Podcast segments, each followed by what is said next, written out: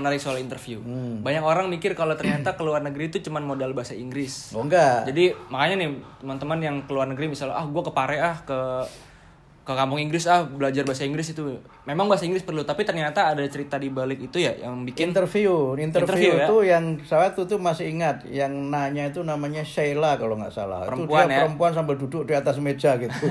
Tahu nggak kurang ajar bener.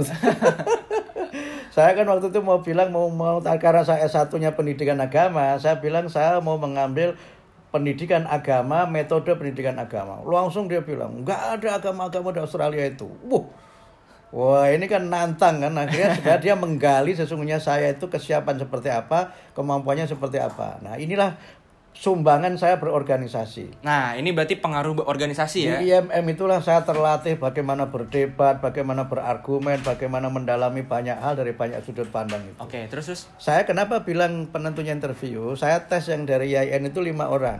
siapa aja, Pak? Dua dari IAIN Semarang, nggak boleh sebut nama ya. Oh, nggak boleh sebut nama. Oke. Nggak enak. Dua dari IAIN Semarang, kemudian tiga dari IAIN Jogja. Oke. Nah, yang kami berempat ini pembibitan satu angkatan. Maksudnya apa tuh? Pembibitan dosennya satu angkatan Oh, dengan oke, saya. oke. Jadi dua dari Jogja ini seangkatan. Sisanya berarti Eh, lebih yang- tua yang atau lebih satu muda? ini di atas saya. Oke, yang lebih satu tua. dari Jogja ini di atas saya. Oke, terus terus. Nah, waktu tes itu berlima ini yang diterima cuma saya, padahal bahasa Inggrisnya bahkan mereka lebih bagus dari saya. Tapi tidak berarti mereka tidak diterima itu bukan kurang dan sebagainya. Mungkin pilihan studinya nggak cocok. Oke. Karena akhirnya kemudian tiga kawan saya ini yang yang empat kan pembibitan kan, yang tiga ini yang sama-sama pembibitan ini akhirnya semuanya diterima S2 dan S3 di Kanada. Oke. Jadi mereka Nggak ini dapat di Australia, dapatnya di Kanada. dapat di Kanada, dapat di McGill University. Jadi bukan karena mereka itu nggak pinter atau apa, tapi mungkin karena pilihan studinya nggak cocok Oke. untuk negara Australia itu. Oke, berarti Ini juga penting untuk yang mau studi ke luar Oke, negeri. berarti pertimbangannya kalau mau keluar negeri, Pak, misalnya nih, aku mau keluar negeri nih. Terus Hmm. apa aja sih yang harus dipersiapin supaya bisa lewat tahap-tahap kayak gitu ya? Ya tentu IP harus tinggi. IP harus tinggi. Jadi jangan dibilang IP nggak penting ya. IP nggak penting. IP itu harus tinggi karena itu ukuran yang yang paling objektif untuk mengukur dia punya kemampuan akademik seperti apa. Oke. Baru kemudian bahasa Inggris itu memenuhi standar minimal untuk mendaftar. Oke. Itu juga tidak selalu Berarti bahasa Inggris syarat normatif ya? syarat normatif ya, tetapi juga bisa diperkuat dengan misalnya tulisan-tulisan di koran, penelitian, buku dan sebagainya. Bagi portofolio lah ya. Ya karena itu ada kawan yang dia itu waktu daftar IELTS-nya 4 Terus? tapi dia punya banyak tulisan, punya banyak penelitian sehingga waktu dia diterima, dinyatakan diterima di Australia itu karena IELTS-nya 4 maka dia harus kursus bahasa Inggris selama satu tahun jadi dia kursus persiapan untuk studi ke Australia itu bahasa Inggrisnya saja dia satu tahun untuk berangkat itu salah satunya saya sebut ya itu alumni IMM Ciputat namanya Mas Fuad Fanani itu. Ah, Mas Mas Fuad Fuad. Fanani itu dia harus kursus bahasa Inggris selama satu tahun untuk berangkat ke Australia. Tapi dia memang tulisannya banyak, Banyak. sejak di IMM dia Iya, banyak nulis, buku-bukunya juga banyak dan saya kira dalam kaitannya dengan menulis Mas Fuad ini lebih lebih hebat daripada saya lah karena banyak tulisannya di harian terkemuka salah satunya Kompas dan sebagainya itu. Oke.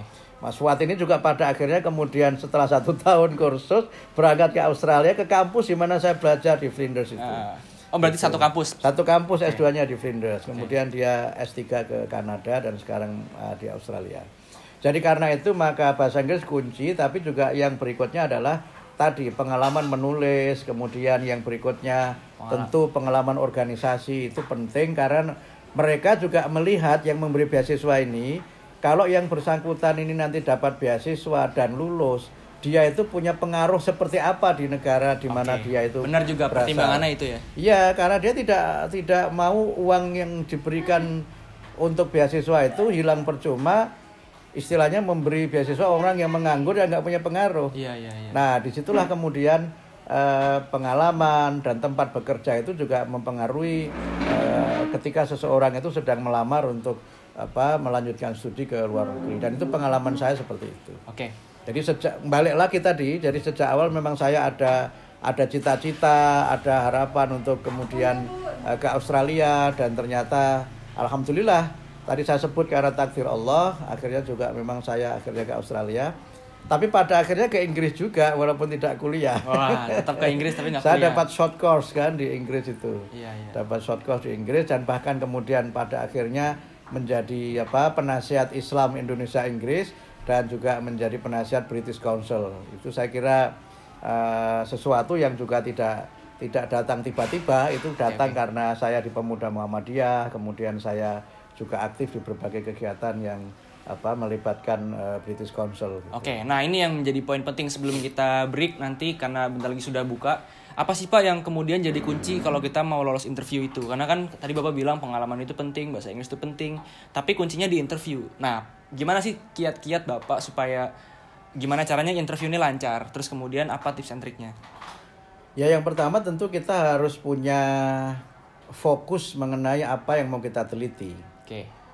Karena itu maka kalau sempat itu akan lebih bagus sebelum berangkat itu sudah ada korespondensi dengan calon pembimbing atau Oke. calon profesor. Ah, Nah, kalau sudah dapat eh, korespondensi apalagi sudah dapat misalnya letter of acceptance dari kampus yang kita mau belajar itu sangat besar eh, pengaruhnya pada saat kita seleksi Oke. dan banyak kemudian yang memang pada akhirnya berangkat tanpa kursus atau cuma kursus selama tiga bulan atau mungkin eh, misalnya bahkan hanya beberapa minggu untuk sekedar briefing itu itu biasanya mereka sudah dapat letter of acceptance dan biasanya itu kalau sudah punya IELTS misalnya 6 atau TOEFL 550 kemudian sudah punya rencana studi dan sudah ada apa eh, surat rekomendasi dari profesor di negara yang mau kita tuju Ah. bahwa dia akan siap untuk membimbing eh, kita belajar di negara yang kita inginkan. Oke. Oke oke oke oke. Mungkin uh, soal yang lain-lain nanti kita akan kulik lagi ya. Tapi pada intinya sebenarnya kalau misalnya kita ngomongin beasiswa lagi ya, banyak hal yang perlu dipersiapkan, terutama stigma-stigma yang timbul di masyarakat kan seolah-olah beasiswa ini cuma persoalan bahasa Inggris. Beasiswa cuma persoalan link siapa yang paling kuat, tapi ternyata di situ ada pengaruh personal yang juga dilibatkan termasuk di dalamnya tadi disebut bahwa pengalaman organisasi itu perlu. Ya, ya, ya. Itu punya pengaruh dan biasanya juga memang ada beasiswa tertentu yang memang dikhususkan untuk mereka yang menjadi aktivis gitu. Oke. Itu saya kira memang eh, perlu dari sekarang mereka yang berminat untuk studi ke luar negeri eh, menekuni organisasi sebagai bagian dari pematangan leadership gitu, Oke. pematangan kepemimpinan. Mantap kalau gitu. Karena berhubung sudah azan, Ya, uh, ya. saya ucapkan selamat berbuka puasa. Gue ucapin selamat berbuka puasa buat teman-teman semua. Ya, ya. Uh, nanti kita akan lanjut lagi mungkin setelah terawih atau sebelum terawih kita akan ngobrol dikit lagi soal cerita-cerita bapak, terutama selama pengalaman hidupnya di Australia. Karena kan uh, Mas Akil lahirnya di Australia. Mungkin itu yang mungkin uh, barangkali ada yang berminat untuk S2 ke luar negeri misalnya atau S3 ke luar negeri terus mau punya anak, gimana cara hidup di sana kan nggak ada yang tahu. Nah nanti kita akan tanya-tanya lagi, tapi untuk sekarang kita akan break dulu. Nanti akan gue infoin lagi kapan live-nya. Terima kasih buat teman-teman yang udah join. Ini live ntar gue save juga supaya teman-teman yang nggak ikut live, eh, nggak ikut nonton bisa tetap eh, tahu cerita di balik pengalaman berkuliah bapak. Oke, kalau gitu kasih. kita undur diri dulu. Woi. Ini spesial loh, ini jarang disampaikan di berbagai Nah, media loh. jarang disampaikan di media. Teman-teman yang nonton yang beruntung. Gitu gak sih? Ya, ya, Gitu. betul, betul, ya, ya. Oke, kalau gitu kita buka puasa dulu. Terima kasih udah nonton. Ya,